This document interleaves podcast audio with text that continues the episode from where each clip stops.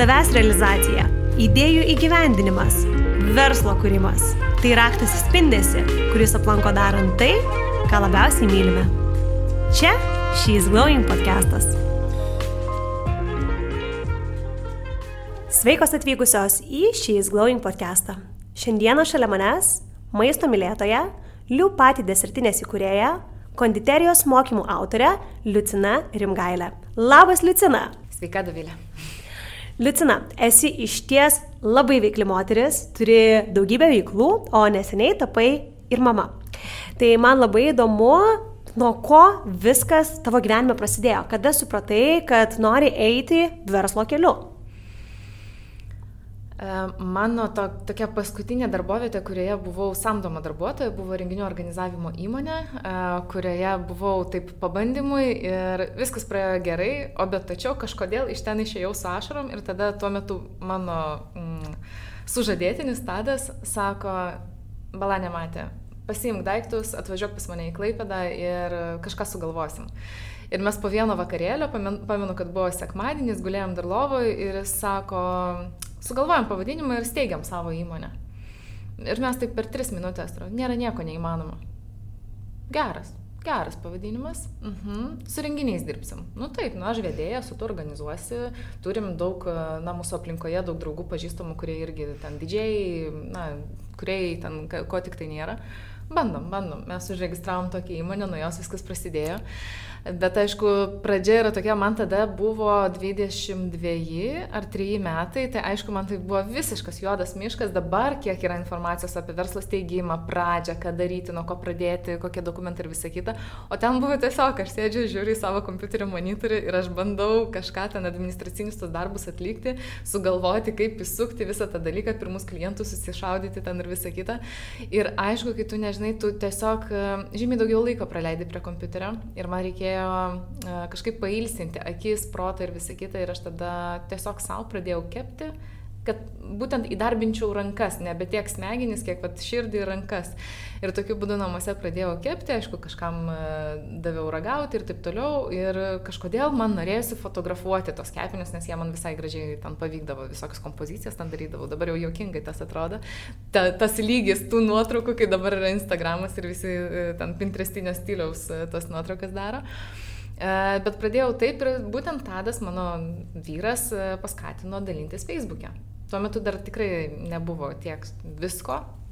Mm, tai vad lygiai grečiai, iš principo, mūsų renginių organizavimo verslas prasidėjo ir, ir su saldumynais, kas paskui, na, kažkaip pavadinau liupatį desertinę, e, liupatį, nes kažkaip galvoju, o jeigu maža, ką vieną dieną atsidursim senamestėje ir ten bus e, užsieniečių ir, ir reikia, kad jie irgi kažkaip suprastų, apie ką čia mes. Tai toks ne, ne iki galo lietuviškas tas liupati buvo ir, ir va, tokia ir, ir pradžia buvo 12 metais, 13 jau su tais saldumynais rimčiau ten pradėjau kažką, o 14 pirmą pirmą tokią kepyklėlę bandomąją atsidariau. Tai kaip ir kada supratai, kad galbūt vis dėlto renginių organizavimas nėra tavo didžiausias pašaukimas ir kad kulinarinė veikla laimi? Klausiu todėl, kad labai dažnai moteris, na, dvėjoja, tai kurgi yra mano širdis? Ar klausėsi mhm. savęs, ar pasirinkai tiesiog realistiškai, kad ši veikla atrodė pelningesnė, ar kažkokia kita buvo motivacija? Mm, e, įvairiapusiškai labai apie tai galvojau. E, momentas, kai reikėjo nuspręsti, atėjo man atrodo, 17 metais, kai uh, išgyvenau, nežinau kokiais būdais, aš dabar, kai atsimenu, kaip aš dirbau po 20 valandų per parą Ir pas mane lygiai grečiai buvo labai stiprus sezonai, tiek e, vestuvių, nes na, renginiai buvo įmonių, bet vasarą aš vestuvių planuotoje dirbau ir dekoratorė, nes aš iš tikrųjų stengiausi kuo daugiau apsiimti visokių darbų tam, kad mes užsidirbtume pinigų, nes mes tuo metu savo namus įsirenginėjom. Ir mes abu su Tadu turėjome tikslą kuo daugiau dirbti, na ir kad e, tiesiog paten, na, pateisintume savo tos finansinius lūkesčius. Uh, Tai mes tiesiog praktiškai nesimatėm, dvi vasaras pardavėm uh, ir lygiai grečiai pas mane ėjo abu, tiek kepiniai, uh, liupati visa veikla, tiek uh, renginių organizavimas, planavimas. Kaip aš neišsakau, aš nežinau, bet aš supratau po 16 metų sezono, kai buvo, wow, tiesiog, kad man reikia kažką daryti, kažką mažinti. Ir aš truputėlį susimažinau, kadangi matai, mm, liupatėje yra daug darbuotojų daug labai atsakomybės prieš žmonės, kuriem tu suteiki darbo, sukuri darbo vietą. Uh, jie irgi deda savo lūkesčius į tave, į, į tavo sprendimus. Tu tampi, na, žmonėm reikalingas lyderis, uh, lyderis, kuris daro tam tikrus sprendimus. ir čia nėra toks paprastas dalykas, nes, pavyzdžiui, vestuvių planavime, tai ką, aš nepasiimu užsakymų Ir viskas. Ta prasme, aš tiesiog nepriimu kažkokio užsakymą ir tom viskas baigėsi, bet aš nieko nenuskriaudžiu, nieko net leidžiu, niekas nepraranda dėl mano kalties e, darbo vietos ir panašiai. Kitas dalykas, kad fizinė prasme, liupati desertinė tai yra cechas. Tai yra krosnis, tai yra mašinos, tai yra visi, visi, visi tie dalykai, tai jau toks, nu tikrai kur kas uh, didesnis toks mechanizmas užsuktas.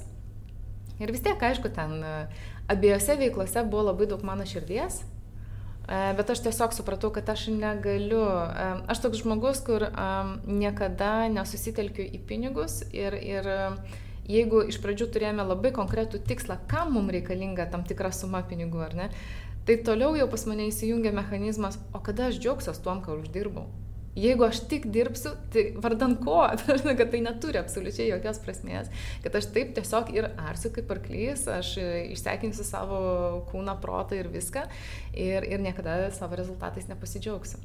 Ir tiesiog buvo ganėtinai sunku apsispręsti, bet turbūt toks galutinis e, faktorius buvo tas, kad aš iš esmės, iš prigimties esu iki beprotybės atsakingas asmo. Ir mane tiesiog krato nuo, tos, nuo atsakomybės to lygio, kurį aš jaučiu viduje, tai yra atsakomybė prieš visus žmonės, prieš, prieš viską. Na ir pats prekės ženklas iš tikrųjų, kuris tikrai stipriai ėjo į priekį. Na ir kažkaip visko po truputėlį susidėjo vis dėlto į tą svarstyklių pusę. Liucina, o dabar grįžtant į Liu patį desertinės atidarimą. Kada tai vyko? Kelintais metais? 14. 14 metais e, nepaslaptis, kad atidaryti fizinės patalpas, pasimti ir darbuotojus, tai jau reikalauja investicijų. Ar nebuvo baisu ir ar tai buvo, nežinau, sukauptos e, jau tavo nežinau, sukaupti pinigai ir sakai, na, tiek to, jeigu nepaeis, tai tiek to, ar prisėmė rizikas. Klausiu todėl, kad labai dažna moteris, kurdama savo verslą, labai bijo būtent to, kad gali, na, nepasteisinti ir jį praras pinigus. Mhm. Aišku, kad kažkiek baisu.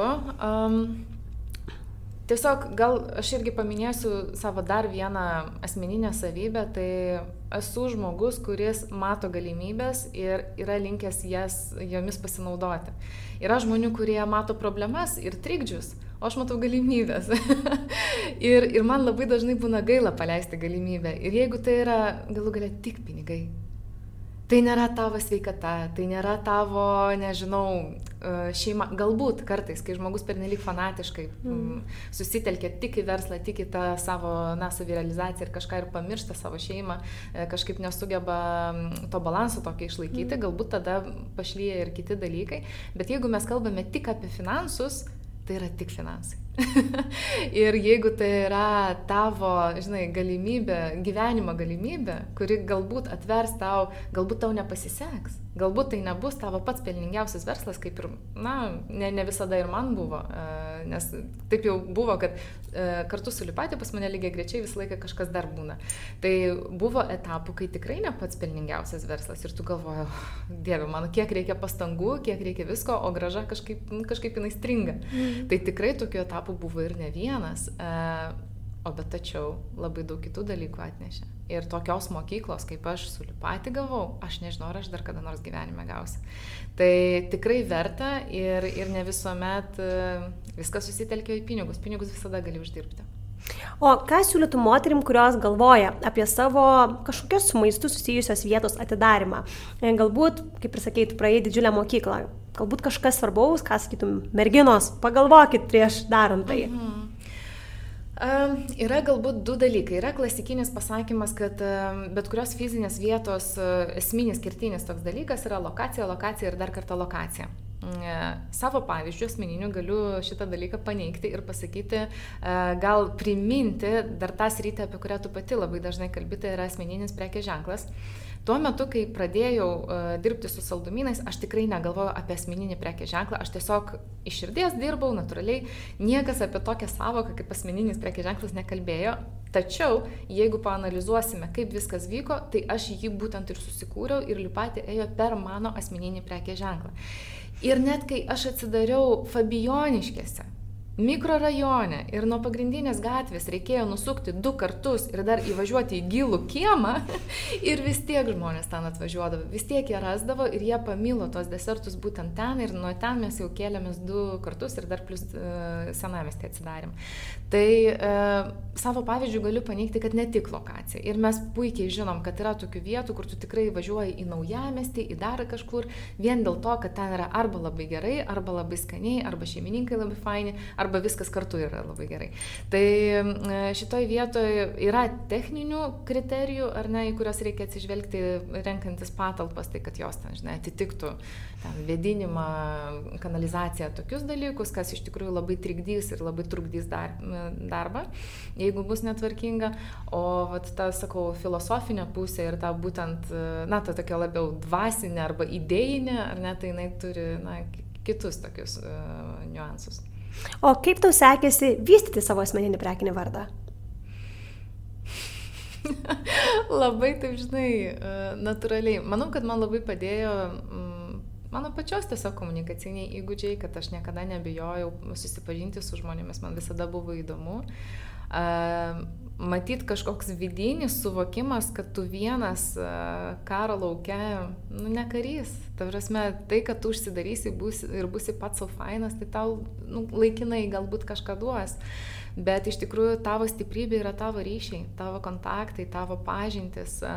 Iš vienų žmonių tu gali kažko mokytis, iš kitų kažko sužinoti, per kitus kažką netgi gauti, ar ne, nes kažkas turi daugiau patirties, pažinčių vėlgi ir, ir gali to sutrumpinti kelią iki tavo norimo rezultato su kitais tu tiesiog gali išlieti širdį ir, ir pasiguosti tada, kai tau jau viskas krachas, kai tu jau nebegali ir pasirodo, kad vis dar gali. Tai iš tikrųjų žmonės aplink ir, ir manau, kad irgi būtent netgi tų žmonių, kurie aplink mane buvo dėka, mane pastebėjo televizijos producerė, kuri mane pakvietė į, į kulinarijos šou televizijoje, kuriame dalyvavau, aš ten užėmiau trečią vietą ir tada aš jau labai pajutau auditorijos meilę ir palaikymą. Ir buvo toks, oh, negi ji netes to, ką ji daro. Ir, ir aš tada irgi ant to vaibo tokio, tai, tai taip, nu, žmonės tikisi ir man labai faina, ir čia būtų gerai. Ir tada tokia duobė, nes aš virš trijų mėnesių niekaip negalėjau rasti patalpų. Tiesiog aš diena iš dienos ieškojau ir nieko negalėjau pagal finansus, pagal visus tos dalykus.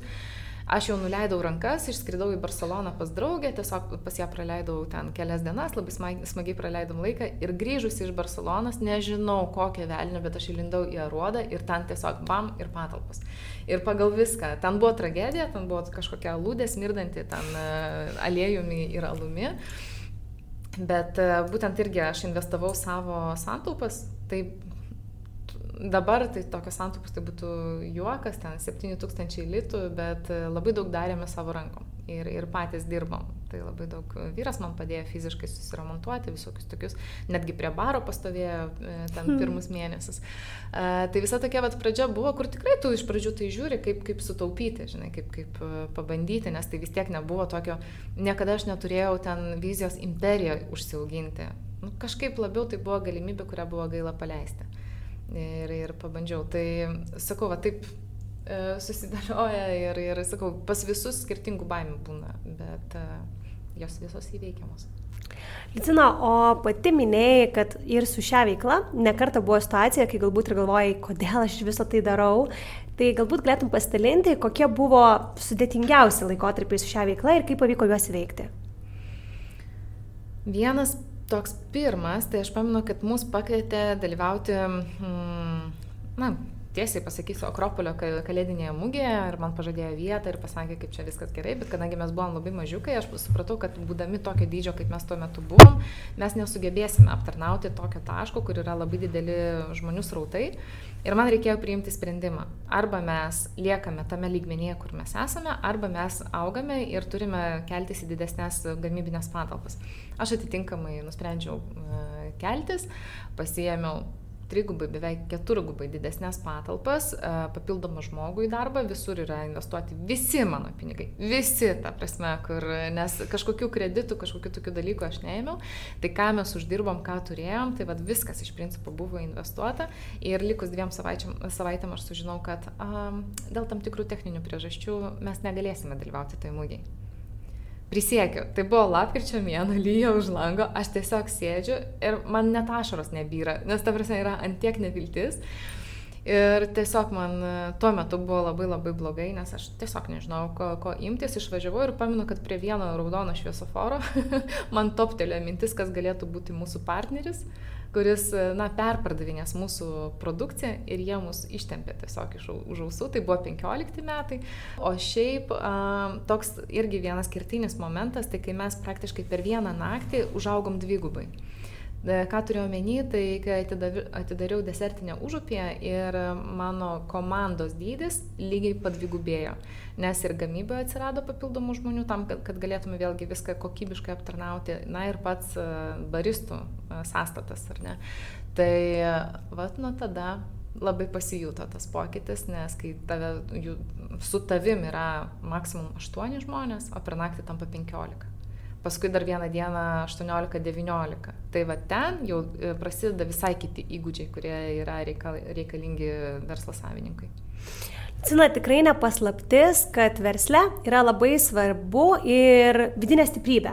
Ar ne? Dėl to, kad yra nuolatos visokių iššūkių ir tu sėdi prieš mane, tu esi mažutė, smulkutė ir atrodo, wow, kiek iššūkių, čia teisininkai, e, visokie iššūkiai, pavedantis partneriai, beprotiškai daug visokių iššūkių. Kas tau padeda rasti tos vidinės stiprybės? Ar tu dirbi su savimi? Kas? Mm. Aišku, man labai pasisekė, kad nors su vyru pas mus niekada, mums nesiseka dirbti kartu ir mes tą jau supratome pirmais metais, bet iš jo pusės visą laiką būna palaikymas, tai aišku, kad daryk. Arba jam gal neįdomus yra mano verslas, jis niekada jį nesigilina, jam neįdomu klausytis, kai aš ten dalinuosi ir aš visą laiką kuo trumpiau stengiuosi, ten jeigu jau, nu jau ekstra atveju, jeigu labai norisi kažkam pasipasakoti. Bet iš jo pusės niekada nebūna, kad tu, tu jokauji, tu tikrai negalėsi. Na, visai, jis ne, neabejoja, kad aš galiu. Ir, ir tas turbūt galima to nesakyti, bet tu netgi tom energetiniam dalelėm tą jauti kartais, kad namuose pas tave yra tas, kuris, na, žino, kad, kad tu gali labai daug vidinio užsispyrimo.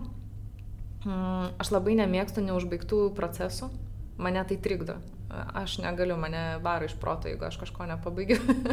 tai yra tas dalykas ir, ir kaip aš minėjau, tas atsakomybės jausmas.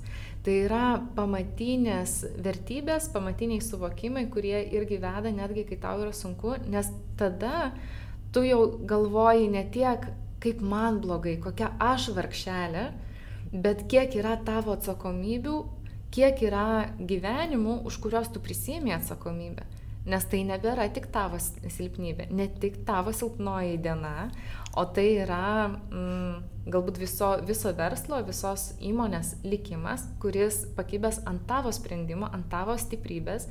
Ir aš pamenu vieną kartą, e, prieš kalėdas, buvo irgi dar lapkritis, pas mus yra darbymetis didžiulis e, prieš kalėdas, Ir prie manęs priejo viena tokių, na, pirmia, pirmoji mūsų konditerė, sako, Licina, ar galėtum išmokėti anksčiau šiek tiek algą negu visą laiką, nes norėčiau iš anksto pasirūpinti dovanom vaikam ir anukam.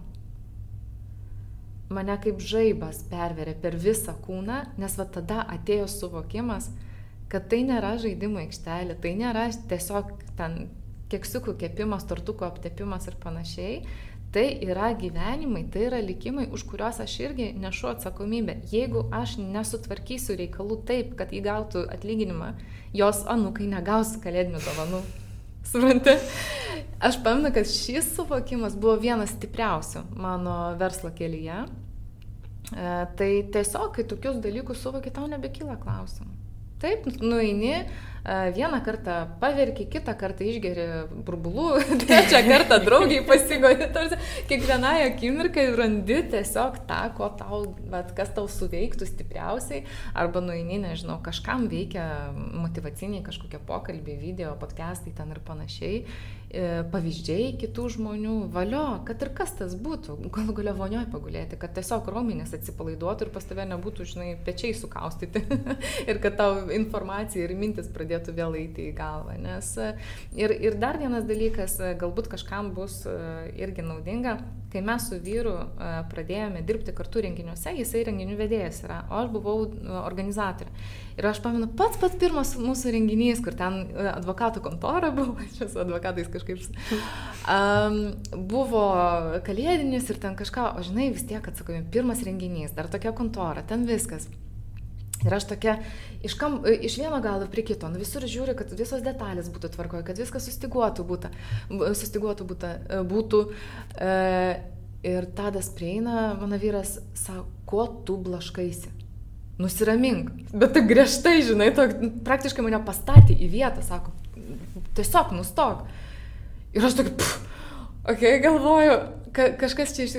Ir iš ties aš pradėjau taupyti energiją. Nes blaškimasis ir kai tu neturi sprendimo, kai tu tiesiog neįkvepi, neiškvepi, o pradedi tiesiog viską iš eilės daryti, kažkaip ne, nekontroliuoti savo veiksmų ir, ir visai, tai iš tavęs atima tiek energijos. Tu tiesiog be ryšio pavargsti ir tu nebegali priimti tinkamų sprendimų, tu tam neturi nei, nei blaivaus proto, nei kažkokių jėgų, nei dar kažko.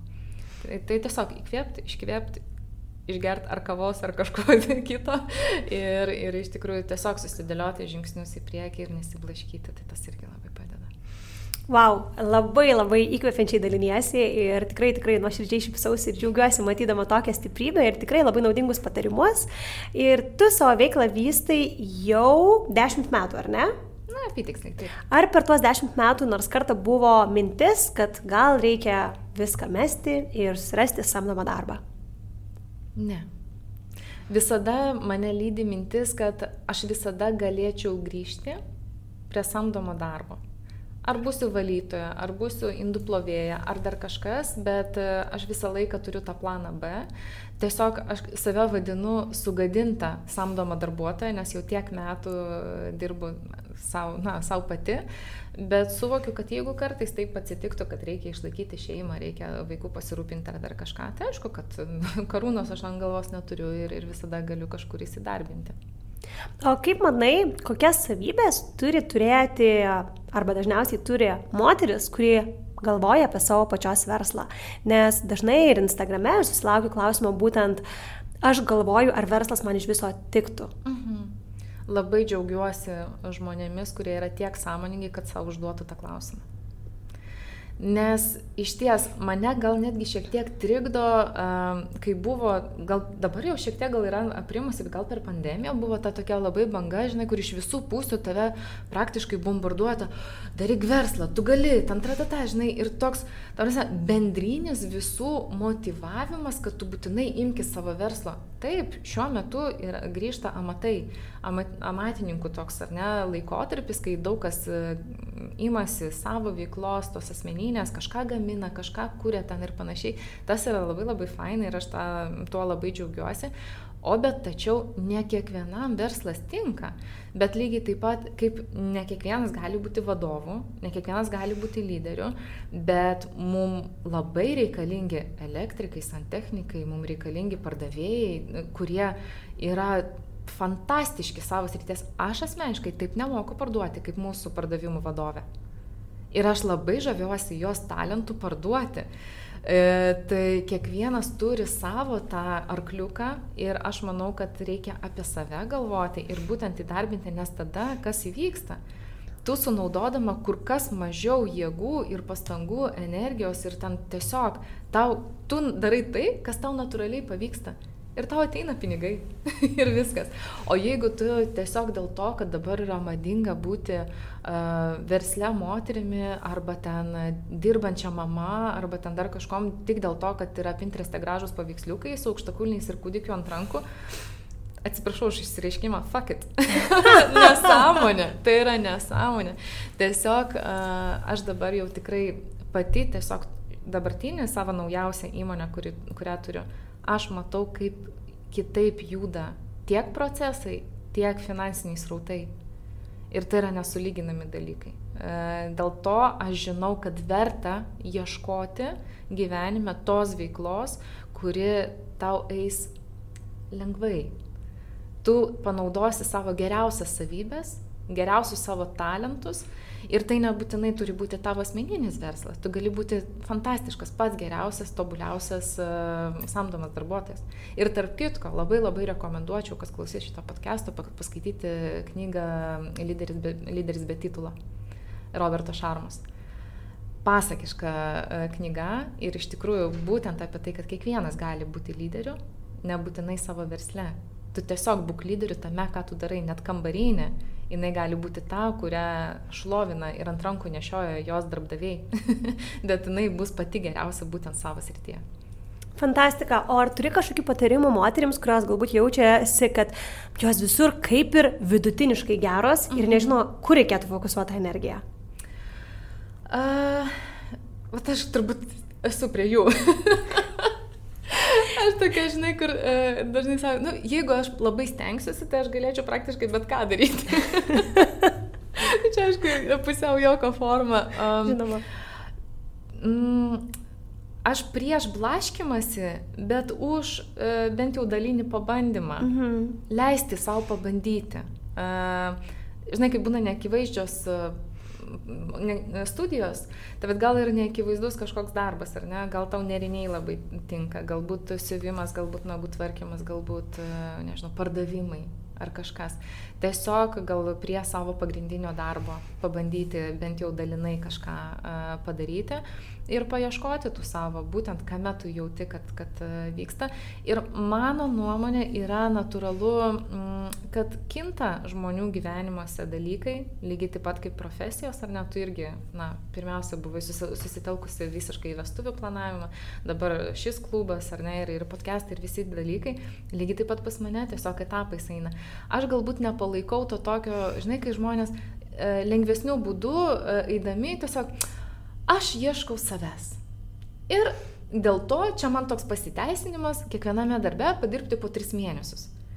Nu, ta prasme, būkim bėdni, bet teisingi, kad tu taškai savo gyvenimą, bet tuo pačiu kiekvienam darbdaviui irgi sukuri problemų. Ta prasme, nes tai yra labai sudėtinga. Mm, kiekvienas darbdavys investuoja laiką, pastangas, e, lėšas į tai, kad apmokytų naują darbuotoją, o kai jisai toks furfur, furfur, žinai, tai ten, tai ten, tai, nu, nei šis, nei tas.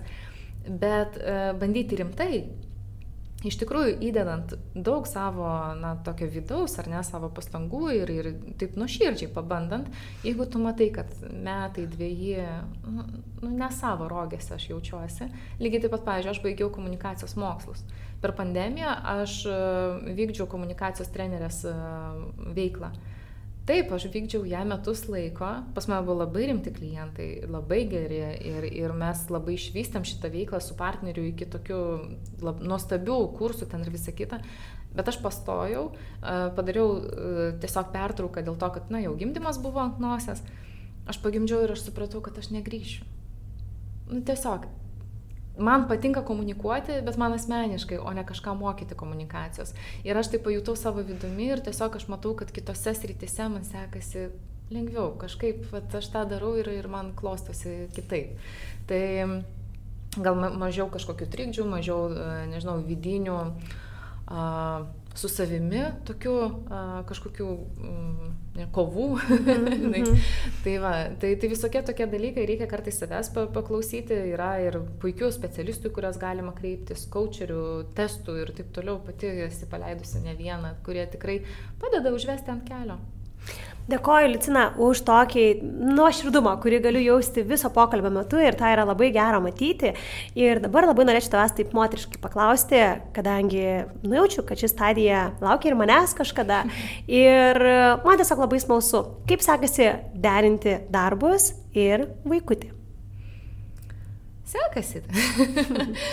Aišku, viena yra, kai jis tik gimsta. Ir kokį dalyką pastebėjau, kad ne aš viena jau kelias moteris, bet būtent iš Instagramo, ten, žinai, su kuriamis galbūt daugiau bendrauji. Uh, pradžioje tu dar jauti tokią labai inerciją, tokią, žinai, kad kaip čia dabar sustoti, kaip čia dabar tiesiog pagulėti, kaip čia dabar, žinai, ne, neimti kiekvienos akimirkos, neužpildyti prie kompiuterio, neprisėsti į milijoną laiškų, ten, žinai, projektų dar papildomų nepaderinti ten ir taip toliau. Aišku, kai tavo tas klėtskutis 20 valandų per, per parą miega, tik tai pavalgo ir vėl miega ir ten kažką, tai plus yra tas dar atsineštas tempas, kurio nėra taip paprasta sulėtinti. Žinai, čia ir dabar pagimdžiau ir viskas sustojau. Mm. Ne, taip nebūna. Jeigu tu esi veikli moteris, tau iš inercijos ir norisi dar ir dar ir dar. Aš pirmus mėnesius lygiai taip pat. Ir receptų knygą išleidau, ir eilių patį ten važinėjau, ir visokius tokius dalykus dariau. Um, vis dėlto vaikutis auga, jo poreikiai didėja ir aš asmeniškai esu labai stipriai, na, ta mama, kuri labai stipriai orientuota į jo emocijas, į jo emocinę būklę. Ir aš suprantu, kad pirmaisiais metais netiek svarbu, ar aš jį išmokysiu atskirti raudoną nuo žalios ar ten kažkokią formą, e, bet kad jis jausis saugus ir kad jis šipsosis ir kad jis jaus mano šilumą ir kad, kad jis matys, kad aš žiūriu į jį, jeigu jis man nori kažką parodyti. Tai man tokie dalykai yra labai svarbus ir šioje vietoje mm, aš nematau heroizmo, kai moteris e, na, pasisako, kad ką tik pagimdžiusi, po dviejų, trijų dienų jau jinai buvo darbe.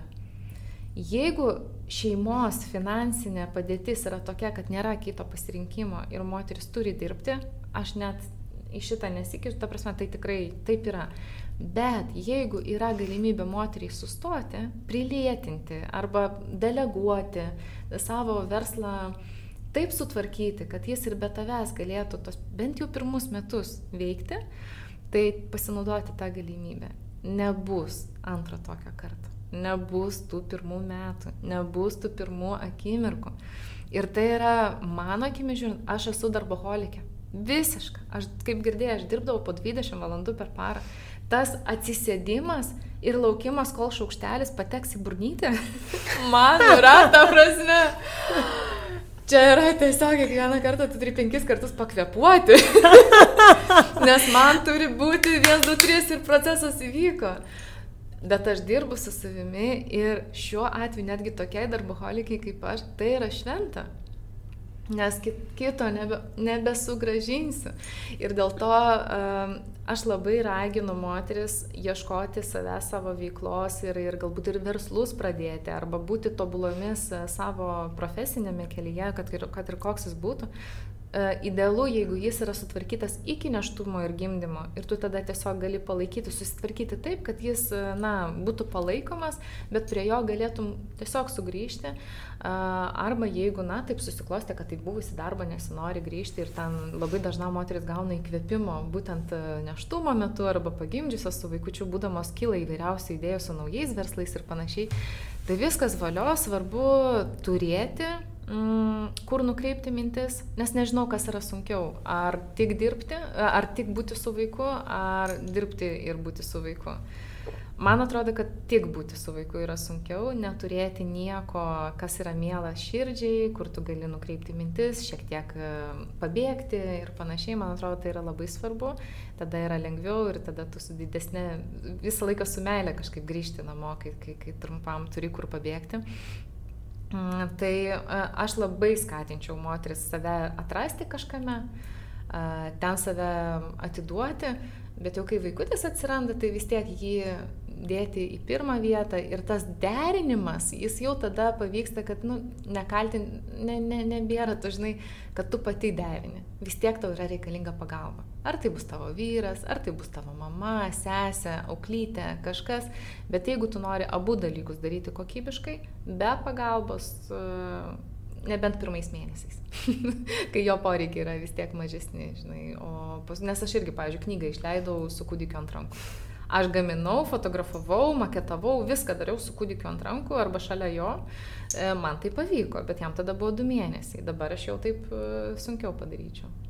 O ar kūdikis į tavo gyvenimą atnešė naujų verslo idėjų, kaip kad minėjai, kad dažnai nutinka?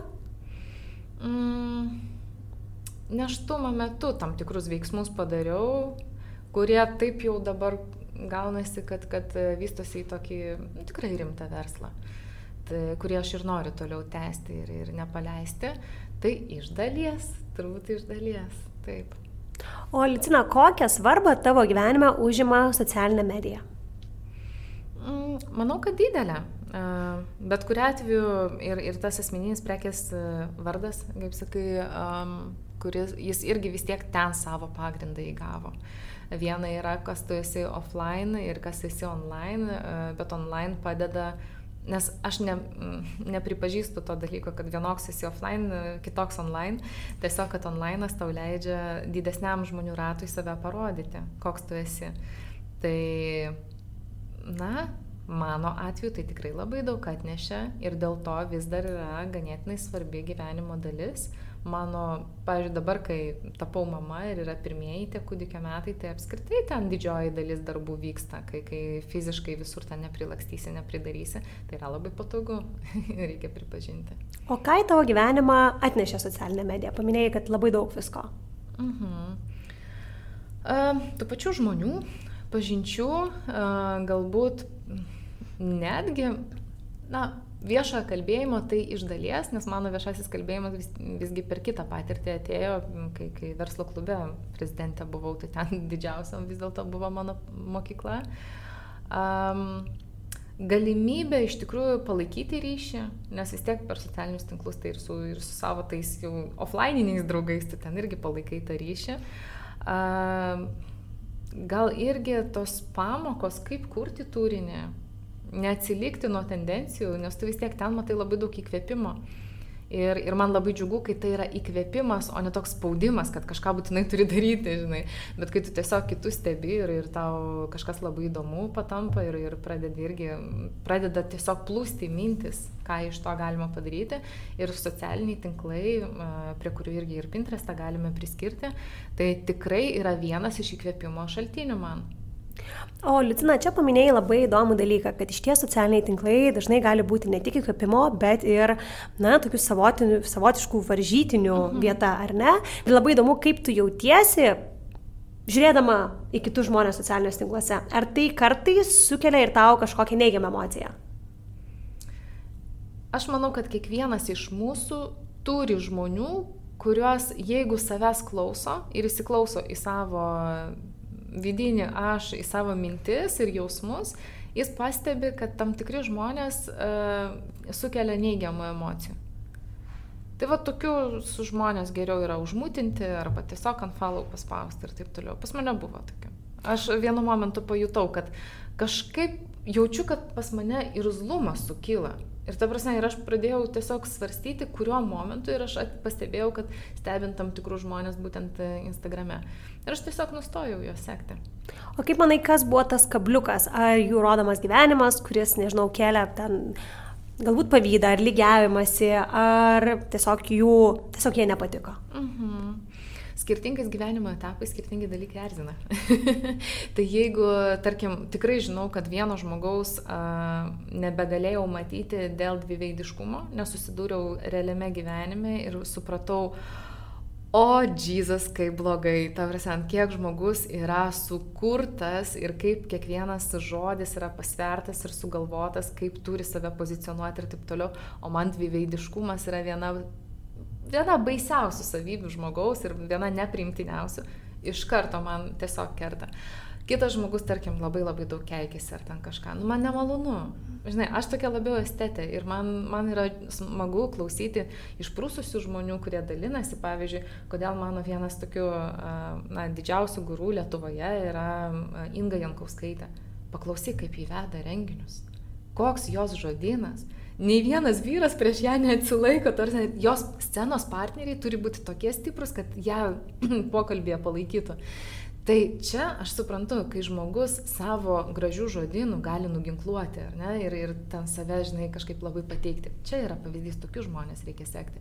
O ten, kur, kur tiesiog kva, kva, kva, kva, kva, žinai, tik tai tai kam. O kitas dalykas, tai tarkim, e, tikiu, kad yra e, ir tavo klausytojų tarpė moterų, irgi pagimdžiusių ir galbūt irgi ten pirmi metai ir visa kita.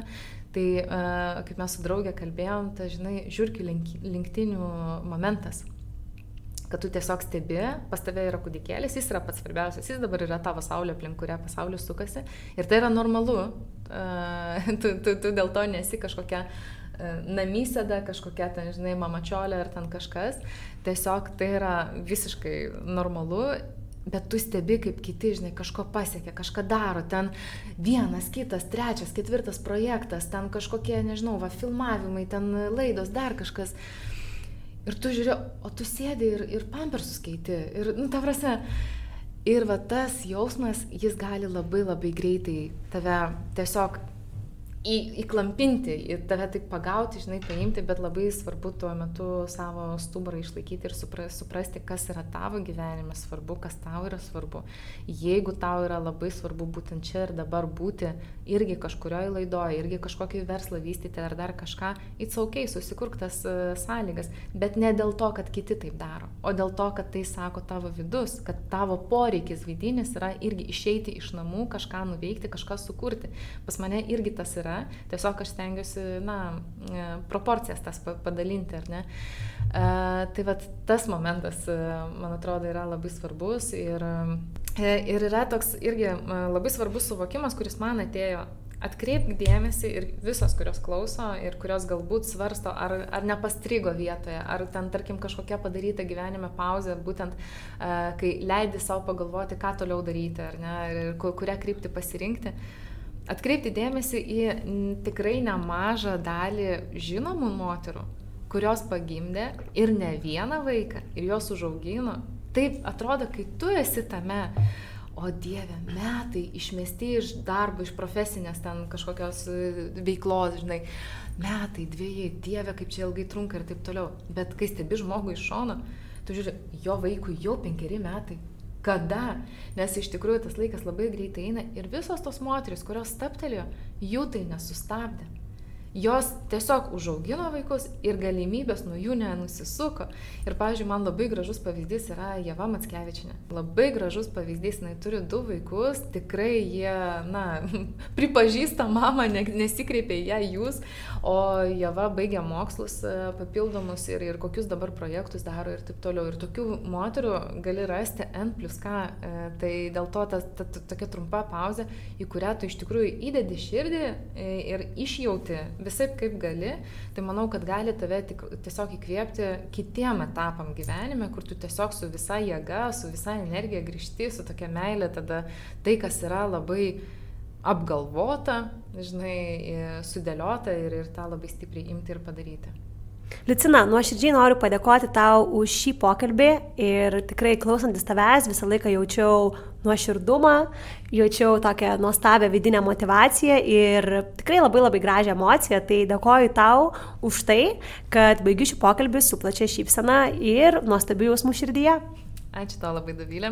Labai linkiu tau kuo didžiausios sėkmės būtent ir su podcastu, su viso klubu, nes tikrai veikla labai, manau, kad daugeliu moterų tikrai labai reikalinga. Fantastika. Ačiū tau. Tikiuosi, kad puikiai praleidai laiką klausydamasi She's Going podcast'o. O jei nori daugiau bendrystės, nuostabių ir įkvepiančių istorijų, naujų žinių, renginių ir kitų privilegijų, kurias gauna tik She's Going klubo narės, keliauk tiesiai į mūsų internetinę svetainę www.sheisglowing.lt ir tap mūsų klubo nare.